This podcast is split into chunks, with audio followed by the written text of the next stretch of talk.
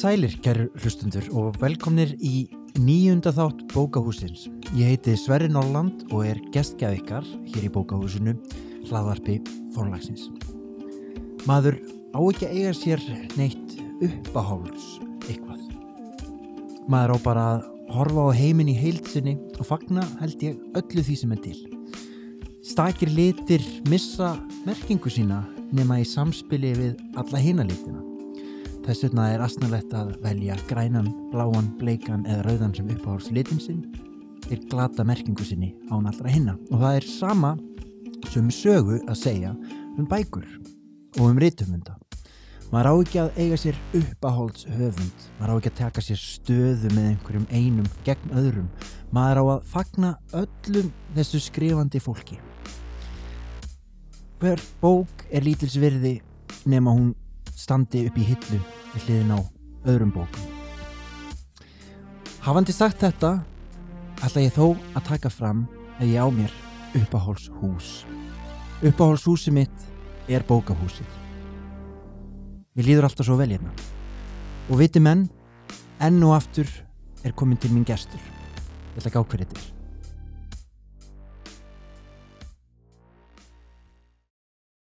Við Ólína Kjærúlf Þorvarðardóttir situm hér upp á háalofti minningana.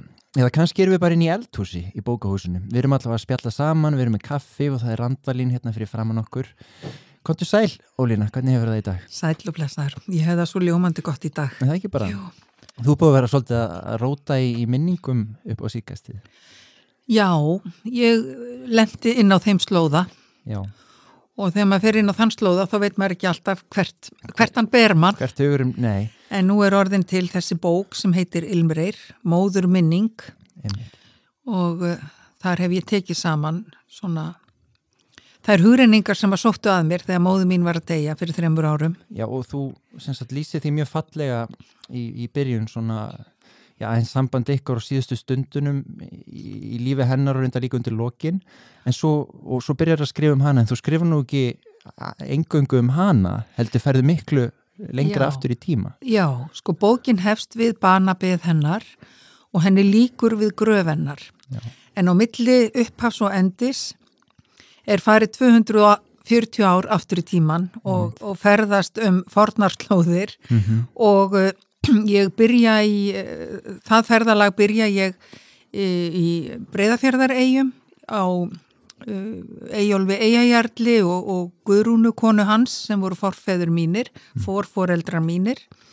Og rek síðan uh, hérna ættmennin og ímsa sem þeim tengjast. Einmitt. og kem svo við í mínum eigin bernsku minningum, ég var send í sveit sem lítil stelpa vestur og fyrði til frændfólksins míns.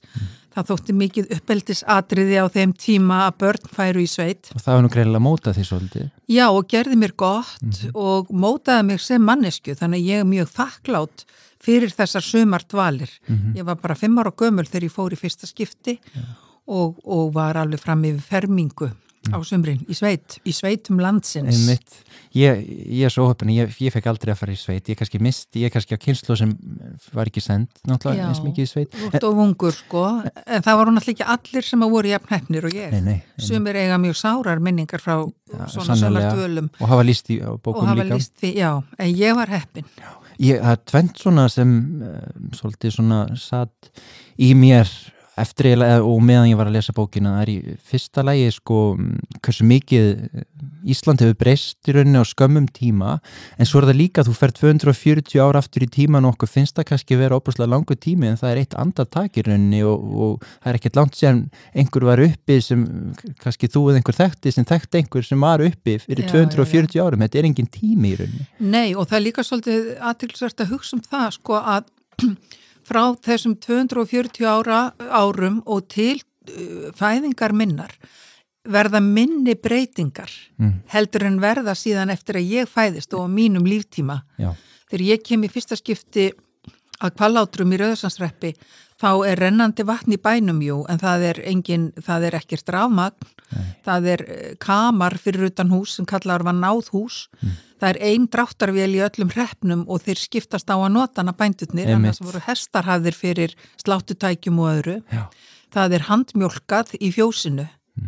Og, og kóla, kóla eldavél og ólíukinding mm. Og uh, svoðið bjargfuglsegg og, og flóuð mjölk með sigurmóla fyrir svefnin og kvöldin. Þú lýsir sem miklu lostæti. Sem var mikið lostæti og ég tala nú ekki um þegar hendunar á mig voru lagðar ofan í volt vatn Já. og síðan þerraðar og borið á júursmyrsli sem að ditta frænka mín bar á mig að mikilli alúð og þá bara sveif ég inn í svefnin og vissi ekki af mér. Og júursmyrsli var þá vegna þess að sólinn var búin að skína á hendunar allan daginn? Já, maður var náttúrulega með bóndabrungu eins og kvölduð er, það var bara stryk við hálsmál og ermar, já, já. þar var maður bara sólbrendur og já, og svo snjaka kvítur og jökull þess og Já, þetta er mjög fallið, þetta er andstæðinu eldur og ís eldur og ís á einu batni en, en já, og ma maður skinnir það svolítið sterk að heimurinu er breyst mikið og allir þægindi og lífsgæði sem við höfum í dag, en einhverju höfum við kannski tapað líka Já, ég mér hefur nefnilega orðið hugsað til þess að sko þarna er fólk innan fjögur að vekja, Já. það eru allir inn á einhverju heimili hjá einhverjum, Já.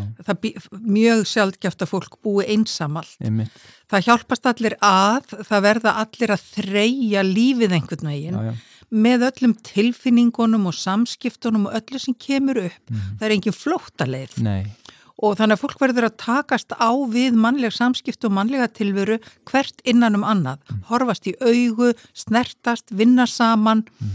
og það getur verið, sko, geta komið upp erfiðar tilfinningar en svo þegar eitthvað bjátar á að þá standa allir saman eins og einn maður og þá gilda ákveðin bara óorðuð lögmál mm. um samheldni, Uh, og, já, og viðbragð, einhvern veginn samfélagslegt viðbragð. Og þú lýsið til dæmis mjög glæsilega þar eh, björgunarafregi á látrum? Já, björgunarafregið við Látrabjarg þegar tógarinn Dón mm. uh, strandaði þar 1947 að það var björgun sem að, sko, ég hlustaði á fyrirlestur hjá landsbjörgu fyrir fáum árum um þetta björgunarafreg og þá var einmitt spurt miðan við þar öryggiskröfur sem gerðar eru gagvart björgunafólki í dag. Mm. Hefði þessi björgun verið möguleg? Og svarið var skjálfilegt. Svarið var nei. Já, Þarna lögðu menn sig gjörsanlega bara lífsitt, í, lífsitt að veði við að bjarga þessum skipbrótsmönnum en þeir höfðu það umfram það sem við kannski höfum í dag Þeir þekktu látrabjarg eins og lofan á sér. Hvert einasta skref sem þeir tóku, mm. þeir vissu nákvæmlega hvað þeir voru að gera. Mm -hmm. Varkárir, áræðinir mm. og staðræðinir í að bjarga. Það er það sem ég finnst svo heitlandi við þennan heim og hvernig sko líka með mannsins og landslæðið er, er sko bara svo nátengt og líka við sami hlutur en eins og umhverfið sé framlegginga og líkum okkar. Já, já, og manneskjan hluti af náttúrunni, hún já, er í náttúrunni, hún er partur af henni mm. og þeir, menn, fólk varða á þessum tíma að læra á æðaslátt náttúrunnar Einmitt. og fylgjónum.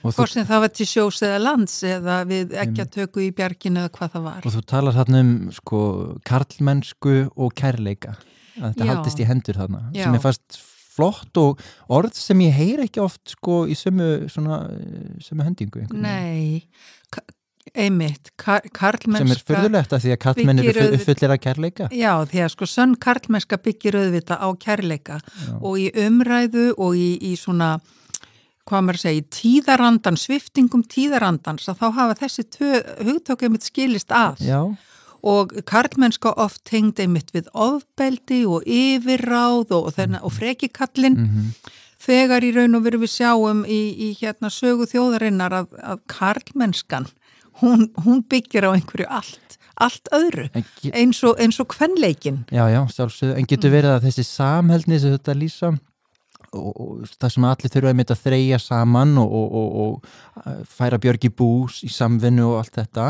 Þetta er svona svolítið andstæða kerfi sem við búum við í dag sem er þessi kapitalismi og samkeppni. Og mér finnst miklu fekkar þessi ofbeldis hvað komið þaðan en úr karlmanninum sem já, slíkum. Já, já, hún hefur bara verið eitthvað neyr ránglega hengt utan á, sko þessi ofbeldishugsun hefur verið ránglega kannski verið hengt utan á karlmennsku ímyndina Já. þannig að sko mönnum finnst eins og það eigi að þýða svona einhvern styrk og, mm -hmm. og, og, og hérna, já, fyrirferð já, já. en þegar kannski við skoðum, svo, skoðum þetta betur þá er, þá er því allt öðruvísi mhm. farið mm -hmm. og það er rétt sem þú segir sko, samfélagsbreytingarnar hafið þetta haft mjög mikil áhrif á hugarfar okkar og annars vegar er það sko þessi mikli markashyggja og samkeppni og svo það að það er eitt þjóðfélagshópur sem nærist á öðrum þjóðfélagshópi, það er eitthvað tiltekinn þjóðfélagshópur sem er orðin hálgjörðu búpenningur fyrir annan þjóðfélagshóp. Þetta er ekkert holdt fyrir okkur sem manneskjur ef Nei, þú nei. hugsaður út í það. og ég held að engin, engin trú í rauninni því raunverulega það eigi að vera þannig ég, ég held að þessi vandfundi sá maður telja Nei, það sé nei, náttúrulega innst inni vitum við betur, já. þannig að það er eitthvað svona en uh, eitt enginni á þessari afskaplega fínu bók Ilmrei er að Ilmrei er að er bara hvað hún er á góðu máli Já, og hvaðan, hvaðan hefur þessa fallegu tilfinningu fyrir tungumálun okkar Ætlaði sé ekki að því ég er alin upp í, ég er náttúrulega alin upp með fullorðum, fullorðnum foreldrum sem töluðu nú oftast við mig eins og fullorðna manniski þó ég væri barn. Og kannski get ég líka þakkað það að ég er alin upp við í sveitadvölum mínum vestur og fjörðum eh, hérna kjarn gott íslenskt mál þar sem að sagna list og sagna skemmtun var mikið aðalsmerki og helst að afþreying fólks var að fara með vísur og Einmitt. semja vísur, segja sögur og þá kom glampi í auga og þá þurfti ekkert sér í tár eða það þurfti ekkert til að ít undir það. Nei, og já, ég held sko að ég hafi bara snemma ung orði fyrir áhrifum af þessu þannig að ef ég tala fallegt mála þá þakka ég það bara uppruna mínum og umhverfi Og þú, það sést líka á því hvað þú flink að lýsa umhverfinu og landslæginu. Þú dregur upp myndir af landslæginu á mjög svona áreinslulegsan hátt. kannski vegna þess að ég náttúrulega er náttúrubann og ég hef náttúrulega notið góðs af því að vera einmitt í sveit Mm. og innan um búpenning og náttúru og samsama mig með þessari náttúru.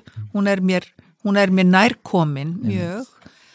Og en, að, en þegar við tölum með þetta þá líka finnst mér ástæði til að leggja áherslu á það að við mættum hugsa um það líka í dag hvaða þýðingu það hefur að tala íslenskt mál hvaða þýðingu það hefur fyrir uppvaksandi kynnslóð að alast upp í íslensku mál umhverfi mér finnst fólk svolítið skeitingar löst um þetta eins og staðan er í dag. Það er eins og öllum finnist sjálfsagt að enskan taki bara yfir og mörgum finnst orðið bara þægilegra tjá sig í endalusum ensku slettum yfir hugtök og tilfinningar og ymsa sjálfsæða daglega hluti.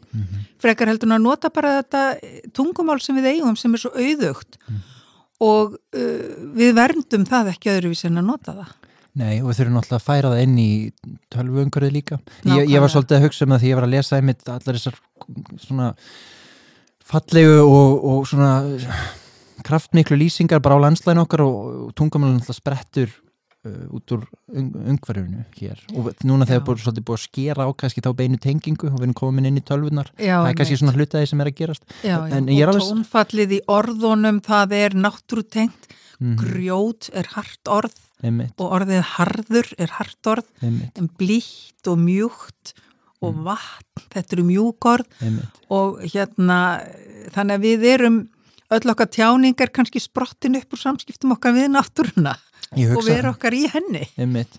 En ég er alveg samanlegur, það var eitthvað sem efni í, í alveg heilt annað sko spjall að tala um tungumálið og hvernig við Já, já. mættum vera stoltar að því og allt það. En, en, en í bókin er annað sem ég fyrst fallet og skemmtilegt er náttúrulega að lýsa móðurinni talsett mikið, það er svona þráður í gegnum bókina og hún mentaði sig, hún var, til, hún var blaðamaður og hún var líka skáldmælt Já, mjög og, skáldmælt. og þið yrkið stundum saman Já, það var Já, það gerðu skemmtilegasta það- sem við já. gerðum, sko, ef við vorum að ferðast eða vorum ykkur staðar saman, þá döttum við alltaf í það að yrkja Já, og við skrifumst líka á í ljóðabrifum, Mm. gerðum það. Hún kendi mér snemma að yrkja og e, þetta varð svona okkar spil já, og, já, og tenging. svona bara eins og að gera krossgátur Já, í já, rauninni. í rauninni, sko. Já, Og ég, ég var vist ekki nema fjara eða fimm ára gömul þegar ég orti fyrstu vísun og hún benti mér á að þetta væri vísa. Og þá lá ég í rúminu við hliðin á henni og er að horfa út um gluggan og segi sjáðu hvernig sólinn skín? Mm. svo er ekki að fela sig. Já, já. svo líður smá stund og svo bæti við mamma, fyndu fötin mín og farðu strax að klæða mig. Já, og þarna var komið vísa á þess að ég væri neitt að reyna að búa hana til. En þá ertu kannski búin að vera að hlusta á og þjálfa bræðir eða... Já, eitthvað hef ég verið, eitthvað hefur gengið á í litla bars heilanum en, en svo bent hún mér á það að þetta væri vísa, hún benti mér á hver stuðlarnir og höfustafinni voru Mm. og, og hérna og svona, þann, þannig fór þetta einhvern veginn af stað, mm -hmm. held ég, mill okkar. En svo er þetta líka mjög persónuleg bók og þú lýsir í tæmis þegar þú flist á samt fjörskildunni til Ísafjörðar Já. og það regnastu þitt fyrsta bat mjög ung og Já. þú ætl- ætlar nú ekkit endilega að eiga það en tekur ákvörðun á síðustu stundurinn um að fara ekki í það sem í dag er kallað þungunarróf Já, og það er aldrei svona lýsing sem svona snertimann já, já, ég var náttúrulega ekki nema 16 ára gömul þegar ég var komin með kærasta ég segi nú stundum sko, ég hérna, held alltaf að ég veri strákur þanga til ég fattaði að ég var stelpa og þá var því ólétt. En ég var búin að koma með kærasta og var í uppreist gegn foreldrum mínum og að flutta heimann farin að leia eitthvað skýtkalt herbergi nýri fjárðastræti á Ísafyrði en þá gerist þetta að ég er, er átta með allt í ná því að ég er orðin ófrísk. Og uh, Úlfur Gunnarsson læknir á sjúkrásuna Ísafyrði hann tók, mjög, tók mér mjög vel þegar hann benti mér á samt að ég væri að verða komin þrjá mánuða leið en hann gæti bundið enda þetta fyrir mig. Og uh, það gæti verið okkar á milli því að ég væri ekki orðin, semst ég væri svo nýjorðin 16 ára að þetta teldist nú bara eðlilegt lækningsverk og ég hérna auðvitað sko var eh, mér, þetta var lausn í mínum huga því að ég var náttúrulega bara barn. Já, en svo um nóttina þegar ég ligg á sjúkrahúsinu þá finn ég að það er eitthvað ég fer að halda ósjálfrátt um kviðin og ég finn að ég veit af þessu lífi þó ég finn engar reyfingar eða neitt. Og bara undir morgun að þá er bara allt mitt allt mitt þel um snúið. Og bara ég hefði gengið í dauðan frekar en að láta hérna hrópla við þessu barni mínu. Svo ég arka út af sjúkrahúsinu morgunni þegar á að fara að gefa mér kæruleysisbrautuna og hætti við allt saman. og þú ferð aftur hindi fóreldræðina sem voru ábyrrandi fólk á Ísafjörði Já, pappi var náttúrulega síslumadur þarna, vestur og Ísafyrði og þetta var neyksli náttúrulega, ég væri orðin ófrísk. En ég fer til þeirra í trösti þess að þau tæki við mér og ég var eiginlega bara alveg vist þegar ég gekk út af sjúkrahúsinu um að ég ætti að fara heim og tala við þau. Og þau takaði vel. Og það reyndist mikið gæfu spor að fara heim í föður rann aftur því að svo auðvitað hvar barsfæðurinn á braut, hann var nú ekki nema 17 ára, þetta var nú ekki eins og við værum fullorðið fólk. En, en papp og mamma sem sagt tóku mér bara opnum örmum og, og dotti minn, Þorvarður Kjærúlf, yngri, hann fættist sem sagt uh, þá um haustið og varð þeirra þriðja barn Já, Í raun og veru. raun og veru. Já. þannig að það er svolítið einmitt þó að ég, sko, hann, hann var aldrei alin upp engöngu hjá þeim en við vorum hjá þeim að fyrstu árin og svo fór ég að búa með mínum manni og Dotti kom með okkur Mm. en, en, þetta, en þe- þetta var náttúrulega mikil viðbót við heimilslífið, það segir sér sjálft En svo missuru föðin óvænt þarna, Já, pappi deyr 1983, þá er ég 25 ára gömul og hann er, og ég er á steipinum að mínu þriðja barni. Og uh, hann verður bráðkvattur upp í Gravardal í, inn af Kollafyrði, hér í nágreinu höfuborgarinnar. Þá voru þau flutt suðu til Reykjavíkur og hann hætti kominu eftirlun sem síslumadur og aftur farin að sinna hestamennsku því að ég er alveg upp á hestum alveg frá því ég er lítil stelpa. Rossin komin suður og hann er eitthvað að fara að gáa að hestum. En þá verður hann bráðkvattur upp í, upp í Gravardal. já, Það var nú svona, já, drama mikið í kringum það. Þau voru tvö saman að, að stúsast, hann og mamma. Og hún hafi farið inn í bíl því henni var orðið kallt og ætlaði bara, hann ætlaði að ganga fyrir leitið þarna hjá ánni og koma svo í bílinn svo bara, og hún fyrir að snirta neglutnar og svo líður og býður og hann kemur ekki. Og uh, allt í hennu grýpur hann hrollurinn, hún áttar sig á því að það verður eitthvað gerst og hleypur út úr bílnum. Og þá liggur hann sem sagt út í ánni hafði aldrei borið fyrir sig hendurnar. og hún skinjar allt í einu. Já, hún skinnjar það bara allt í hennu að þetta er svona og kemur að honum svona. Og það var svo skrítið, hún var með gamalt bíl- bílprófin, hafði ekki ekið bíl í mörg mörg ár, að hún fer hlaupandi, sko, hvarla aldrei aðeins að taka bílinn, hún fer hlaupandi nýr á þjóðveg, hún þarf að ganga marga kílometra til þess að, að fá aðstóð og tekst að stoppa þær bíl með tveimur ungumönnum sem að aðstóðana og, og þetta var náttúrulega gríðarlega mikið áfall. Einmitt og hún býr áfram í höfuborgin en þú ert, þú ert fyrir vestan. Já, nei, hún var, ég var komin söður þarna á þessum tíma og er í já. Háskóla Íslands. Já, og hún býr áfram, já, já, í höfuborginu og þetta verður til þess að hún fennu að læra á bíl Mm. þegar hún kemst út úr sorgarmókinu, þetta náttúrulega mikið var, hún var nú ekki nema 57 ára gömul þegar þetta var, Mm. að þá tekur mín kona sér til og fer að læra á bíl, tekur bílpróf og skráir sig í Háskóla Íslands og Mm. Íslensk- fer að nema íslenskar bókmyndir Já, einmitt.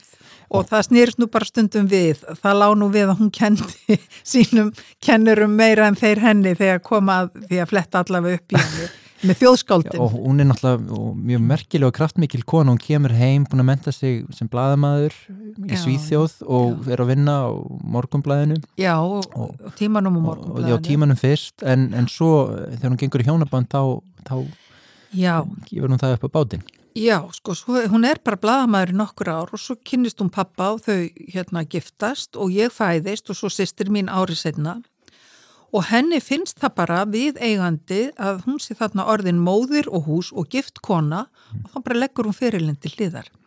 En það var ekki létt fyrir hana vegna þess að ég, ég fann það alltaf henni, hún sá eftir þessu að hafa ekki haldið áfram að vinna já. og en hún reyndi aldrei að snú aftur eða átti nei, hún gerði það ekki en þetta allinni vanlíðan. Já. og þetta, var- það var tókstreita í henni alltaf út af þessu. Sem að ég skil eftir að ég er orðin fullorðin kona.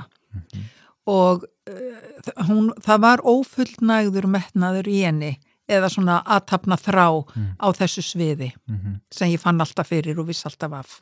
Svo er, svo er önnur uh, annar staður í bókinni sem að svona kip, kipist aðeins við það sem að þú uppgötar hálfsistur uh, á heimileginu er það í Já. barnaðamæli, ég man ekki. Já, ég sko kynntist hálsistu minni án þess að vita að hún væri sýstir mín e, á Klambratúninu þegar ég er 12 ára og við förum að leika okkur saman, hún býr á flókagötunni, bjóða flókagötunni. Og við bara leikum okkur semur svona a, a, a, bara dável og leikum okkur saman allt sumarið og hún er skemmtileg og hress og finnur upp á alls konar leikum og við vorum miklir fóringjar báðar. Og þá náttúrulega liggur beinast við þegar ég held upp á afmæli mitt 8. september, ég býð henni þetta í afmælisveisluna. En þegar hún er komin þangað og pappi kemur heim til að koma í veisluna, kemur úr vinnunni, þá eru þessi orðaskipti sem sagt, "M- hérna þeirri mín, er þú hér? Pappi, segir hún. Og það náttúrulega mamma styrnar upp og það, við mamma styrnum upp þarna á ganginum. Krakkarnir voru að leika sér og tók ekki eftir neinu. En þau loka sig af henni í eldhúsi og það er eitthvað samtal þar sem ég auðvitað veit ekki hvernig fór fram. En þegar þau koma fram að þá er svipurinn breyttur á báðum og mamma býður til borð sem pappi loka sinni í Söpumbergi.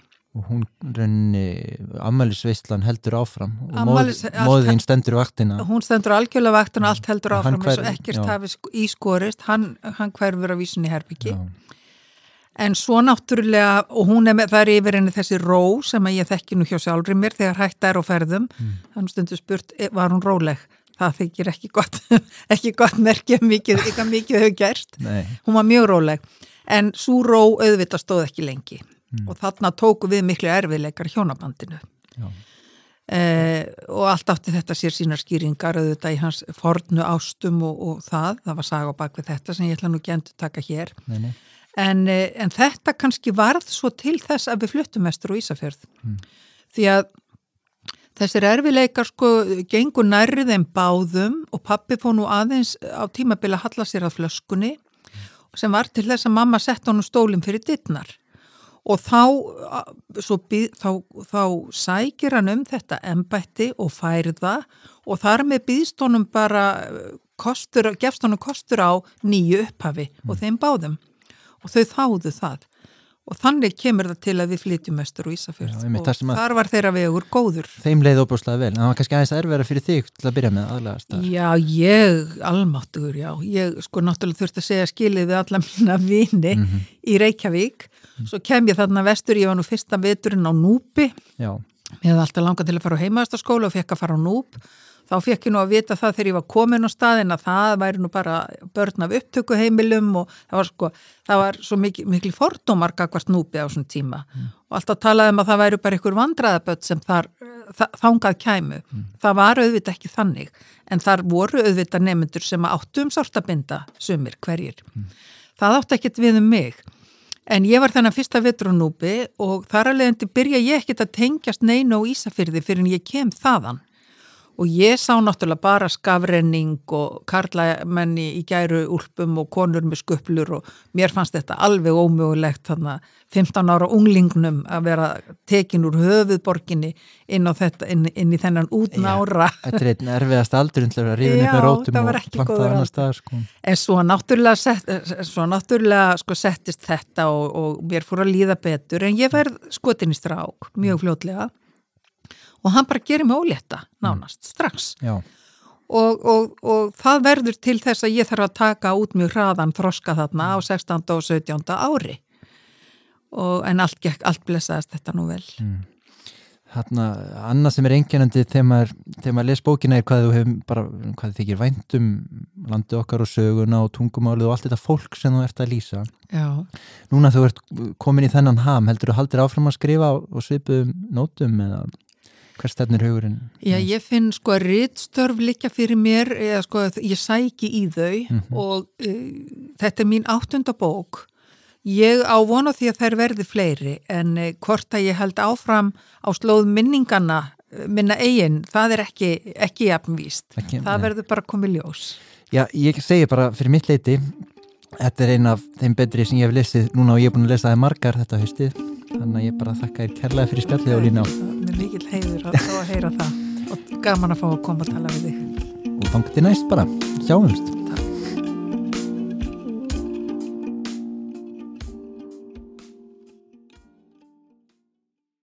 Já, hvað að fá mér smá göngutúr, ég var orðin eitthvað svo styrður eftir að sitja þarna á spjalli við henn og ólinu í, í eldhúsinu yfir randalín, ég borðaði eins og marga sneiðar. Þannig ég, ég er hérna á stjáum um bókahúsið og þá rekst ég á hana Ú, Holmfríði Mattiastóttur, útgáfi stjóra forlagsins.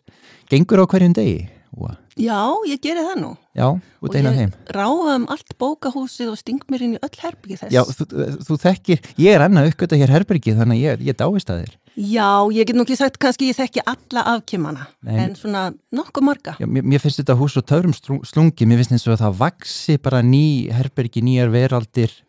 Hvert getur keminga að það verður eitthvað breyst? Já, mér finnst líka að ég hef uppgötað ímis herbyggi kannski líka í gegnum spjalli þitt. Já, ok, já, já, einmitt. En, en þú mátt ekki láta mig sko blekja þig af því að, að, að sund sem ég segi er kannski ekki alveg satt.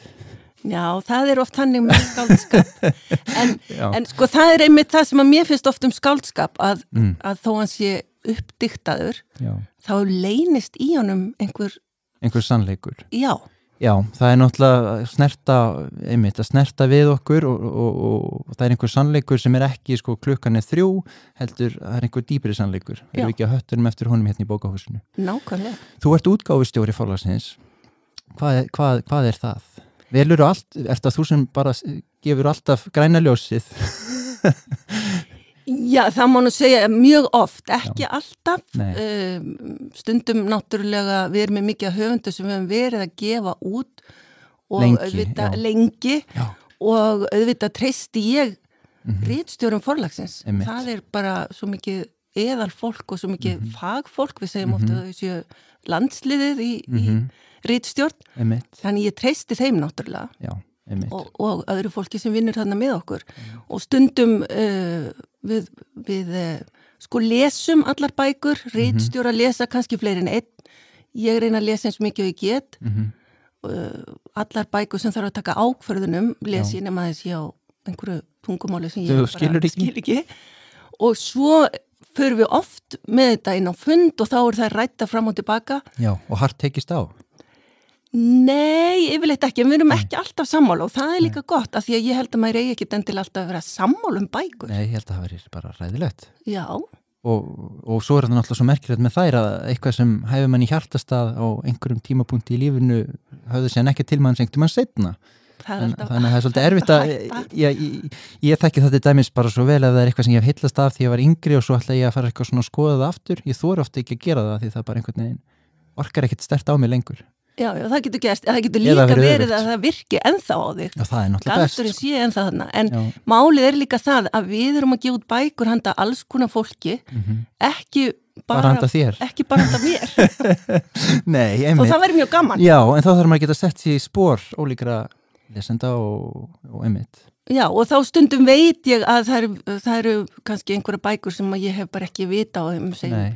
Bækur um fótbolta, Mhm, Já, við vorum að spjalla um fótbolta á þann. nákvæmlega, og þá, sko, ég ber ekki skinnbræð á þær bækur, ég átta mikið á því hvað er gott og hvað er slæmt, ég get svona, uh, hef kannski tilfinningu fyrir því hvað, hérna, við höfum selt Mhm. mikið að hvað, hvernig bækur hafa gengið vel eða hvernig við getum náð til einhverja lesenda, Mhm. en það eru bara svona bækur sem að ég skil ekki og þá Nei, leitum við til fólk sem að hefur vita á þessu og getur ráðlagt okkur. Eðlilega. Hefur alltaf lesið mikið? Já, þetta byrjaði bara því ég var fjóra ára gummul, Já, þá komst ég inn í hennan heim og einmitt. síðan hef ég bara helst vilja vera þar. Manstu eftir fyrstu bókinni sem þú last, það var ekki fótboltabók. Nei, nei, allir það hafi ekki verið bókinum mann láka. Já, bókinum hann láka. Jarð-. Jarðálfin láka. Já, Ég var alltaf svolítið smeykur við þá sögur, ekki eitthvað svona ókvíkjandi tónn í henni taldi. Ég man ekki að langt sem ég las jú, ég... eftir á higgja þá Já. er náttúrulega mjög svona vafa sem skilabóð í þeirri bók. Já, einmitt, það er dóldi það, það getur nú verið börnum holdt kannski að fá stundum svona einhver skilabóð sem þú þurfa sjálfa að melta og meta. Ég held, ég held að það sé alveg rétt og ég held líka, meðum ekki gleyma því að því við erum ofta að tala um góða bækur og slæma bækur, Mhm. til þess að vita hvað er gott, þá þurfum við líka að vita hvað er slæm. Já, það er mjög höllu skóli fyrir dæmis ritthunda að lesa mikið af vondum bókum. Ítla skrifum um reyfur undir dæmis, það er bara höllu skóli. Sko við verum að mynda okkur skoðanir á þessu. Já, Kanski bara erum við þannig að við viljum bara lesa illa skrifaða reyfara okkur finnst það góðar bækur. Já, já. Að því þetta er svo afstætt. En ég segi ítla skrifa reyfar til mótaðis við sko velskrifaða reyfar. Já, sko. Maður læri svo mikið af því sem er svona gapandi lélegt. einhvern Jú, veginn. jú, jú, jú. En þú færið síðan úr honum láka jarðálfi og, og manstu Já, hvert svo þú bara held ég áfram að ég las bara allt sem að ég komst yfir. Ég Já, las meðal annars góðadátan svæk því ég var svona áttara, ég Já, skildi nú ekki mikið. Heyrðu, ég var auðvitað svipuð um aldrei, þetta var uppáhaldsbóki mín í grunnskóla. Já, Hún er íslensku þýðingun eftir Karl Ísfeld. já, hún- já, er sko, ég fann hana inn í bókaskapum, ég leist mjög vel á þessa ka- bókakápu og Já. ákvað bara að lesa en enda var ég búin að lesa mjög mikið og svo Já. Svo voru við sískinni líka, það var alltaf verið að reyka okkur út að leika okkur. Mm. Nefn, við skildum ekkert í því, við vildum bara, Bara, bara verið inn að lesa. Þannig að þú lærði snemma þá leksju í bókaútgjöfandans að maður alltaf, að- maður dæmi bókin alltaf eftir kápunni. Veistu, þú valdi svæk, Já, ég, ég gerði það allavega á þessum aldri, þá Já. dæmdi ég eftir kápunni. Ég svæk svona vörpulegur og aðlaðandi? Það var eitthvað svona við þess að teikningu sem ég hugsaði, þetta lítur að vera skemmtileg saga. Þetta er náttúrulega ótrúlega skemmtileg saga og þetta er alveg svona klassísk þessi þýðing sko. Já. Þannig að þú svona snemma byrjaðir að lesa mikið og vildi þess bara ekki fara út úr húsi. Já, en svo var maður alltaf sendur út. En þá gáttu við líka farið í bókabílin og Já, bókasafnin, sko. einmitt, bókabillin. Hvernig er það eh, í, á, á skrifstöðum forlagsins að fólk situr inni og fær að vera að lesa? Sendið fólk stundum út að leika sér eða, eða fyrir að kvenka sér við bakverk eða, eða jafnvel líka öngutúr Við eigum það alveg til að fara út að leika okkur, sko. Já, Við, einmitt. við gerum það stundum bara í hóp Já, og það hefur verið hérna út á pallinum hérna við skrifstofur okkar þá hefur stundum verið farið í bolta íþróttir já, samt ekki fótbolta, Nei, ekki fótbolta. En eh, hvað þá, tennis, pókó pókó? já, Ég kann það ekki. Þú útskýrir kannski fyrir mig leikarinn í þeim leik síðar. En, en þú veist komin á svona unglingsár og, og, og jafnvel orðin fullorðin, er það einhverju höfundar sem hafa fyllt til lengi? mm, bara bara ótal margir höfundar. Já, þú Ég hef náttúrulega ekki að Nei, ég- segja neinn upp hérna, og ég er að stilla þér uppi veg.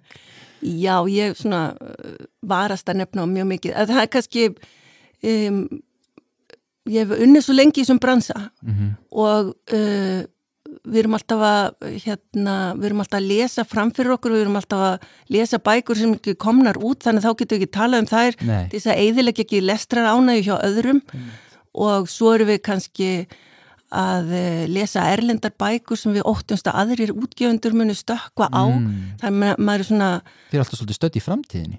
já, Já, þið lifið ekki núinu, þið lifið í framtíðinni. Við lifum, já, við svona gerum það svona á já, vissan hátt. já. Núna til dæmis í miðju jólabókaflóði þá er þetta aldrei skrítið að e, vera á svona stað það sem er eins og ég líkiði við þegar að, þegar að áin rennur að sjónum og það er bæði sko ferskvatn og saltvatn sem rennur saman að því við erum bæði með jólabækurnar og svo erum við með hugan við bækurnar á næsta ári sem það er líka að vinna. Sjálfsög. Já, já, það er svolítið flókið. En, en, en þú nefndir þetta jólabókaflóð, þetta sérstækka fyrirbæri. Hvað, hvað finnst þér, hvernig finnst þér að búa við jólabókaflóðið? Er þetta kannski bara indislegt? Ég veit um aðra þjóðir sem öfund okkar af þessu, öllum jólapökkunum. Þetta er skemmtilegu hefð. Ég held að flestar þjóðir öfund okkur af Já. þessu eða e, það er að segja bóknekt fólk í flestum þjóðum Já, öfundar okkur af þessu. Já. Mér finnst þetta, þetta dásanlegt, þetta er mjög erfitt og slítandi. Já, slítandi, já, en samt svo ótrúlega skemmtilegt og þetta er svona, þetta er svona bókavistla. mm En svo dreifist þetta náttúrulega, þetta er kannski aðeins farið að dreifast líka meira yfir árið útgáfan og svo er náttúrulega jólabækurnar, það er náttúrulega hægt að lesa þær næstu árin. Það er náttúrulega ekki svo þurfum að lesa þær allar yfir hátíðarnar með, með pipakökur í munnunum. Nei, en ég reyna að lesa mjög, sko ég er búin að lesa flestar af jólabókum forlagsins áður en það er koma út, Já, en svo eru sumar sem ég les aftur í jólinn. já, ok. Ég, þú, já, ég má náttúrulega ekki spyrja heldur hvað, hvað það er þá. Nei, nei, nei, ég er endalist að stilla þér upp. en, en þarna, en nú ertu búin að þarna, lesa mikið og verið í þessum bransu svona lengi eins og þú segir. Blundar nokkuð í þér höfundur? Hefur aldrei, hefur veldi fyrir þér einhvern mann að skrifa sjálf? Eða finnst þið bara skemmtilega að lifta öllum hinnum frábæra höfundunum sem við eigum? Ég held ég sé miklu betri sem útgefandi heldur en sem höfundur ef ég á að segja alveg Já. satt.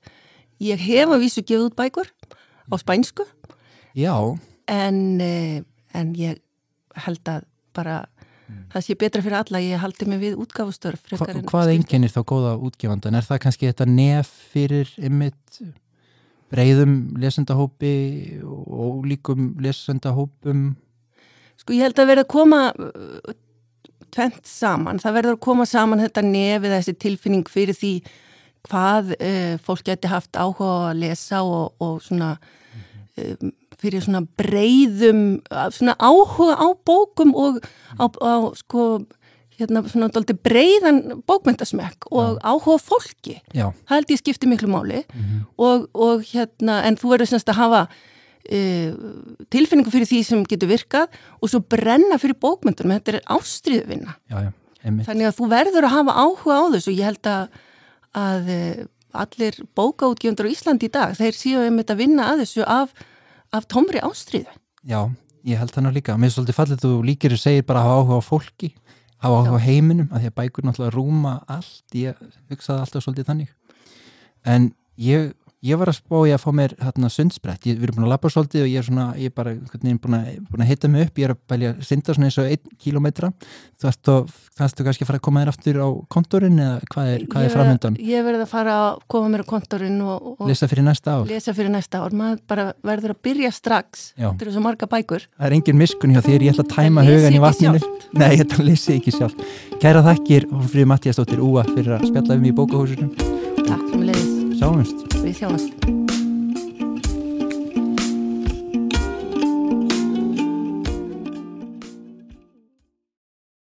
Það er mannmart í bókahúsinu þessa vikuna. Erill, fólk á stjái í hverju horni. Hvað kemur til? Jú, hingað streyma vitsmunaverur landsins, viðkvæmt fólk, bókaormar, bókaunnendur og hugsandi fólk af hverju tægi í sótkví. Og til að mynda er hérna hjá mér hann Gunnar Theodor Eggertsson, barna og, hvað segir maður, ungmenna bókahöfundur eða bara, Unglingabóka eða bara reythöfundur. Já, það má segja barna og unglingabóka Það eru sömur sem vilja einhvern veginn enga svona Nei, enga svona Stimpla. stimpla Nei, nei, en þú, ég ætla samt að stimplaði með því að þú ert hér í, í, í sótkví Kemur í bókahúsið gaggjart til þess að einangraði frá samfélaginu eða hvað? Ég er nú reyndar loksins laus úr Já, þú ert laus, þannig að þú kemur enda bara svona Já. til að hafa indi af því að vera hér. Já, ég er rétt náða að koma. Já, það er svo, það er svo erfitt í rauninni bara að fylgjast með þarna, með þessu öllu Já, öllum sem þessum ekki að breytingum. gerast. Ég Já. er með tvö, tvö börn frjáls og eitt barn í sótkví og eiginkonu líka eiginkonu líka í sótkví flutturinn til móðu minnar já, já, með börnin og við búum á sikkurum staðnum, þetta er allt mjög ruglingslegt. Þetta er allt svolítið að fingurum fram þessa dagana. Já, en, en þú ert samt ágætlega stendur bara Ég er allavega hér og, og, og rosa notalegt innan hjá okkur. Já, finnst þér ekki? bókahúsinu, Já. mjög gladur á já, komninga já, ég, fögnum því að fá þig. Þú varst að gefa út bók, Já, svo uh, nefnist Nortnaseiður Nortnaseiður og fyrsta bindið í því sem að vera vonandi mjög löng og skemmtileg serja já, sem heitir Förðufjall einmitt. Og ég er búin að vera að skrifa fyrir börn síðan fyrsta bókin minn kom út 2008, hún voru steindýrin. Einmitt.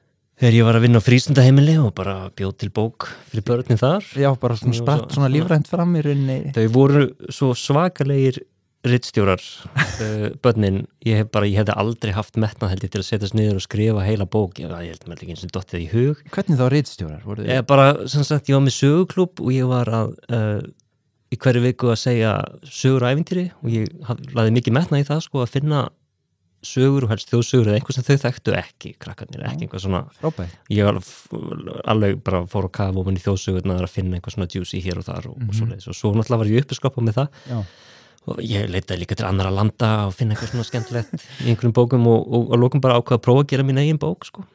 og það byrjaði bara á einum kapla og svo voru þið svo rosalega þyrst í, í, í framhald að ég enda á að skrifa eitt kapla á viku. Ég hef aldrei staðið mér svona ógislega vel að ég var eins og Stephen King bara þr, þrýr mánuðir já skrifa er hann ekki fimm kapla á dag? Já, hann segir þú átt ekki að mér í þrjum mánuðum.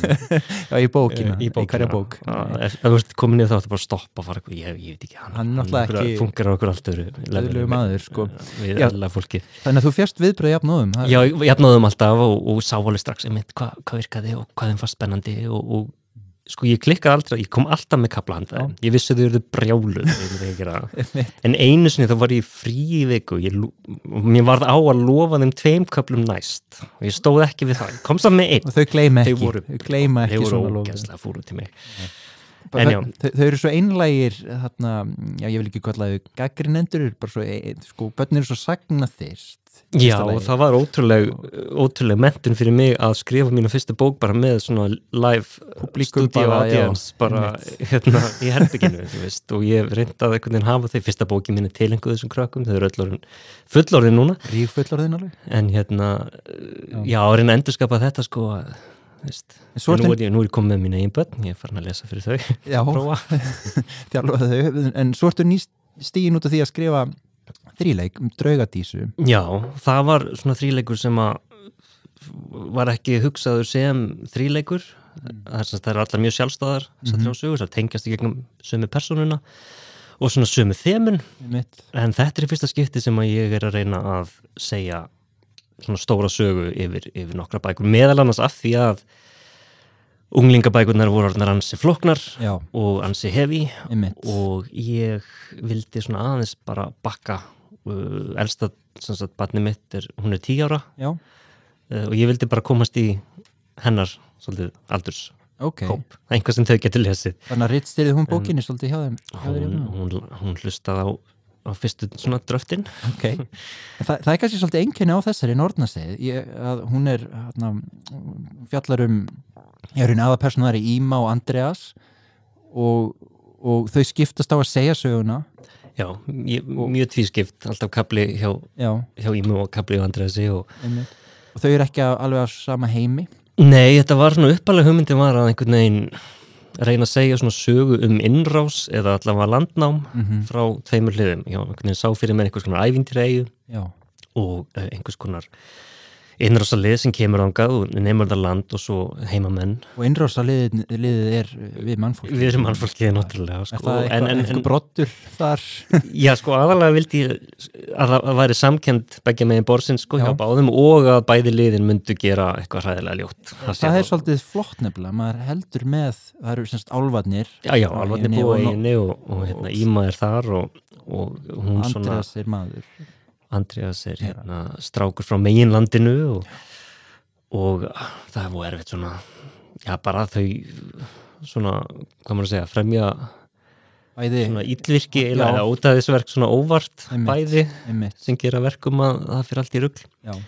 og Andreas neðist til að flýja landi sitt það er svolítið flott og það er kannski sem veit ekki en það er svolítið flotta að þau eru, maður er komið saman með þeim báðum og þau gera bæði eitthvað svona svolítið óvænt og svolítið hræðilegt Já, og það, er það algengt í sögum fyrir þennan aldursóp að við fylgjumst með alpersonunum dríja hálfgjört ódæði, jafnvel óviljandi en kannski ekkert hjálpt í fyrir þeir Góð spurning sko, ég, hérna, að þetta er allavega mjög svolítið sterk sterkt í í, í, ævintýra og góðsagna Já, minnunum öllum sko. Að að í rauninni personunar það gera eitthvað, það verður ekki aftur snúið. Það komin á stað einhver atbyrður ás og...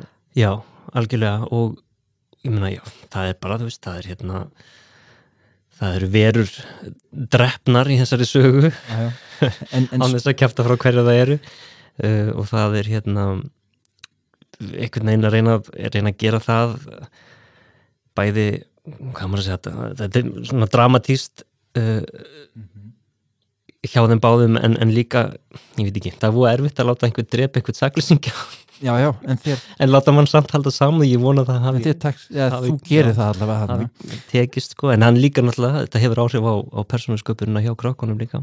Svo annað sem ég var svolítið flott er að þú býr til einhvern heim í rauninni frekar svona í, svona, í fáum orðum testir að búa til stóran heim eins og það er þessi eiga og hún er sko vafin inn í einhvers konar þóku og það er í rauninni ekki greiður aðgangur að henni eins og fyrir mannfólki tanga til að verður vending og gerist Já. eitthvað og opnast þessi leið. Mm -hmm. og það er svona ymsir hlutir nornirnar sem eru þarna líka og, og svona, þú ert greinlega búin að teikna upp svolítið stóran söguheim en svo kemur út úr því þessi saga sem ég las í einni striklótu og er frekar stutt og, og vonandi þannig að krakkar kannski geti brent í gegnum hana. Já, hún er einmitt hugsuð þannig að þetta sé, veist, ég, þetta er ekki léttlestra bók, en þetta er svona pínu svona tilrun til að vera með, um, ekki að sinna þetta léttlestra bókum, kona mér skrifa léttlestra bækur. Já, já, en það er bara en, En, en hún, er sem sagt- hún er léttleikandi að að Eh, það var nú hérna, hugmyndin að reyna að segja svolítið svona einmitt stóra sögu, Mhm. stórt, svolítið juicy ævindir, einmitt svona kannski fyrir krakka sem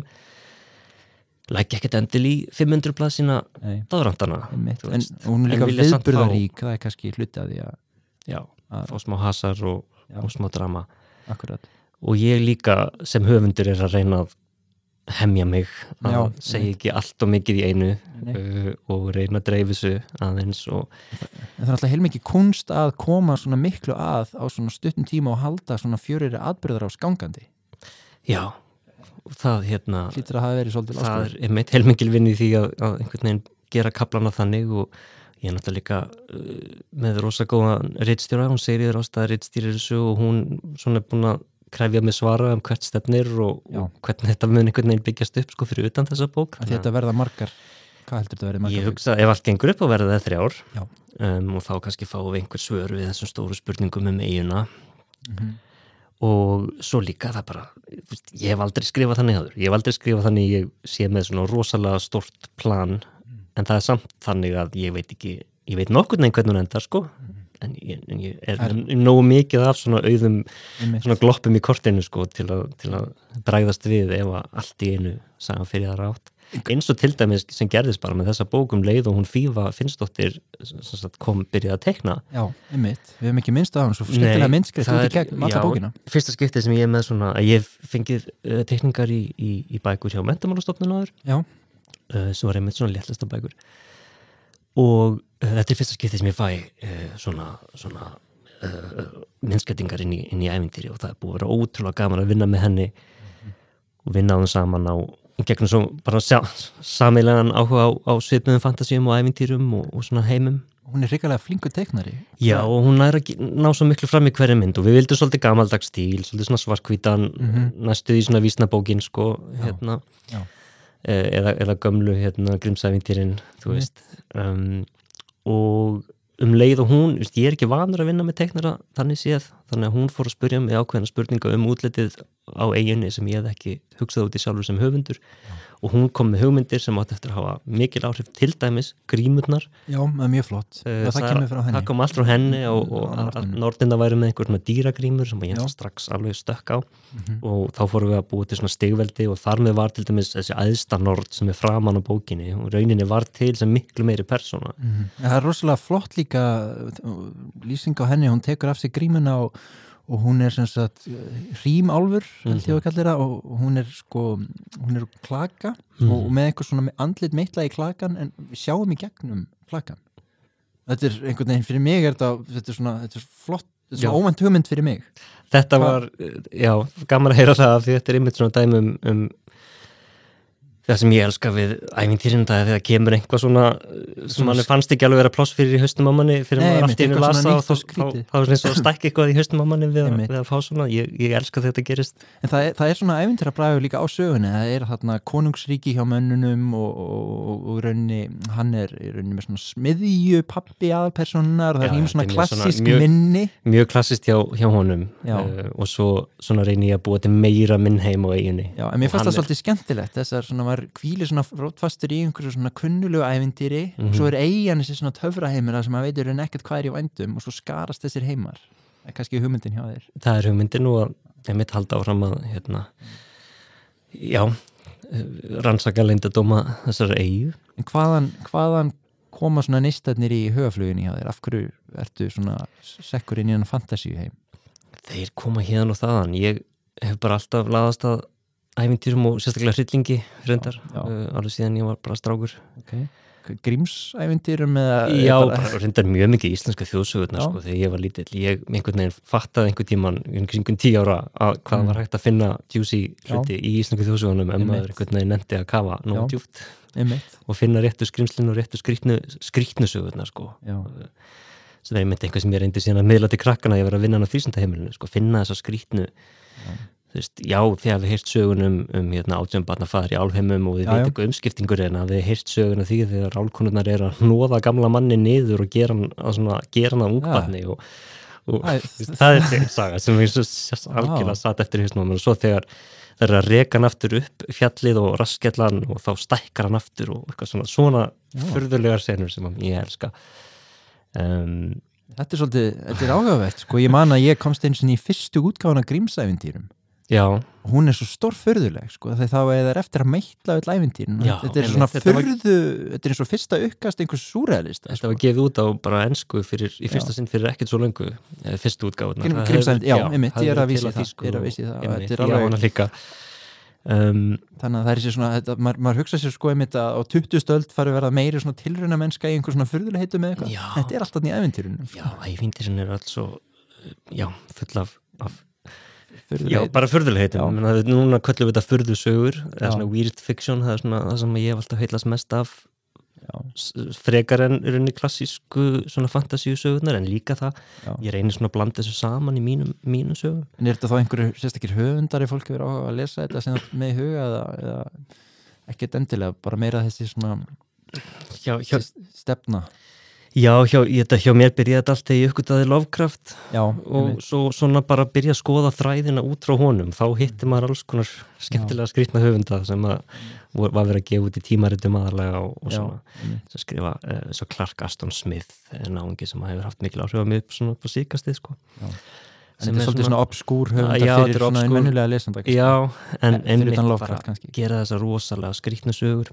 Já, Um, ég hef einmitt svo mikið lesið smásögur og heitlast á smásögum í gegnum allar minn svona hryllings- og furðusagna áhuga eins og ég hef aldrei reynt að skrifa þær Nei. Eh, svo lengi og allt, þú veist, og Shirley Jackson líka og, já einmitt allt. frábæri hundur og hérna, en með þessa bækur þú veist, það hérna þetta er bara svona ekki samansull núna af öllu mögulegu, ég held að Úrsula Le Guin hafi höfundur. áhrif á, á, á, á hennar svona nortna heiminn sko Já, og hennar hérna Earthsea sögurnar hennar um galdrakallin þar og, og, og hérna T.S. White með hérna Once in Future King sem er sverðið í steininum Arturs Já. hérna sögurnar hans eru mikill innblástur af að honum hérna Andriasi ok og svo einhvern veginn bara Vist, hugmyndina eiginni kom bara frá Hyperbóri sem er landið handan norðanvindarins já. sem er Einmitt. úr grísku veist, og einhverjir hafa látið sér dreymum að það hefur kannski verið Ísland og svona.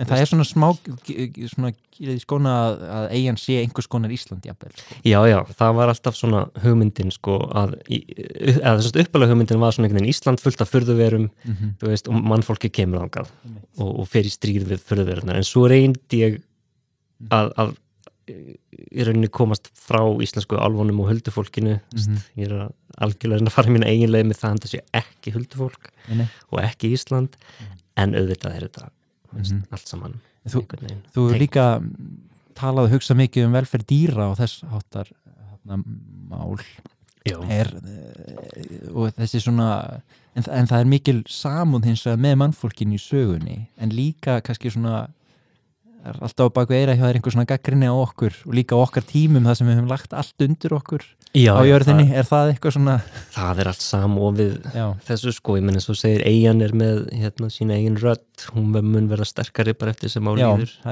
Landið er eigin tekur til svona- máls undir lokin. Já, já, já, það er sem sagt einn, einn af kaplónum er, Já. er frá, frá sjónarhóttni eigunar og hérna, en það er svolítið flott að gæða heiminn lífi það og er rödd. gaman að leika sem að og rödd Já, sko það er rosalega svona, ég hlakka til að halda áfram og, og reyna við mitt, fara sparlega með það líka Já. og svo er til dæmis, ég menna það er ofbeldi gegn dýrum í þessari bók en ég gerir mitt best að það sé merkingarbært og Já. dramatist og ekki einhvern veginn gert bara svona út í loftið Einmitt. og það, svona ég reyna alltaf að koma svo leiðis að þó að sé einhvern veginn Mm. um, ekki, ekki að það sé einhvern veginn of svona mikill áróður en Nei, það kemur ekki út eins og áraður en en áraður er vald vald með farin Nei, en það verður meira slíkt líka í þeirri sem ég er að vinna núna sko, og Mm. hérna, það, ég held að það verði alltaf hluti af, já, já. af söguheiminum hjá mér og sko. kvæmilega hluti af manninum það er hluti af lífinu sko. já, já. ég er hérna svona að lókun kannski að því að ég, ég, er vist frábært að þú setja að skrifa svona grípandi knappabók sem vonandi höfða til bara krakka unglinga hvernig finnst þér hlúð að þessum hópa á íslensku til dæmis er sko hafa unglingar úr sko mörg að velja lestrahestar ég held að þeir hafa úr mjög mörg að velja. Ég held að í- með mig þegar ég var unglingur og var að sækja í fantasíu þá Já. leitaði ég mjög mikið í enskar bækur. Já, gera Eh, náttúrulega vantilega enn en, en fyrst ég finnst úrvalið vera að aukast? ég, Já, ég held það sko, ég held að ég sé miklu meiri kringum sem að ég veit að ég hefði já, fallið fyrir sko já, sem unglingur og ég meni ég held að unglingar hafa alveg gaman á að lesa þessa bók þó hún sé þú veist, hérna svona knöpp. Um, en hún er svona miður við þetta miðstig. Uh, og en ég líka veist, allt þetta með aldur er svo afstætt. afstætt uh, sem sagt, tíu ára stelpa mín las hana með mér þegar ég var að skrifa hana. Svo las ég hann um daginn fyrir sem sagt, sex ára dóttir mína og fjör ára guttin var með og hann hlustaði á hann alla. Einmitt. Og algjörlega bara lifðist inn í hana. Hann, og hann er að rifja upp, hann greip hann um daginn og spurði mig hvort ég geti lesið þennan kapla og hann vildi líka lesa kapla það sem eigin talar. Frábært. En svo dróð hann tilbaka og sagði nei hann er svo stuttur. Ég hef frekar lesið þennan hann er miklu lengri. Já, ok, frábært. Þú veist, En nú- þannig að veist, hann, ég, ég, hann sest ekki niður og lesa hana sjálfur en ég meina en já, Já, já, krakkar eru líka tilbúinir að þau þurfu ekki að skilja allt. nei, einmitt. Það er líka málið, það voru alls konar orð og alls konar senur sem að þau voru ekkit endilega að fylgja en það sem skipti málið, það náði í gegn. Já, en og allt innu var ég að muna það að þú ert laus og sótkví, þú ert frjáls ferðaðina. Þannig að hvað ætlaru? Þetta segir mig að fara hérna Já, en þú, þú bara, hvað hva, hva býr hérna geimir dagurinn í skautið sér? Ætlaru, ætlaru, Hvert er ég að fara núna? Ég er að fara að um, sækja börnin já, heyrðu, sem verður blessunulega í skólanum mér sýnist ég þurfa að fara að gera það líka. og hérna svo ætlum við að spila eitthvað í dag Já, já. Það er í jóladagatalið dagsins var að spila Við erum með svona fjölskyldi jóladagatal sem er mjög skrítið af því að við erum í sikkur í húsinu núna og reynum bara eitthvað að sama hlutin á, hérna. Já, yfir, yfir skjáið eða? Nei, nei, reyndar ekki, nei, bara, þú veist, við spilum og, og þær spila í einangrun og, Ok. en vonandi verður það nú allt búið þegar þetta fer í loftið. Ég ætla að leipa þér, Gunnar Teóður, til barnana þinna. Ég ætla að fara að sækja börnin mín lesundu framtíðar. Já, nákvæm, Mjög gaman að spjalla við þig og ég hlakka til að fá næsta bók af Já. Furðufjalli. takk fyrir það, sömulegis. Sjáumst. Já.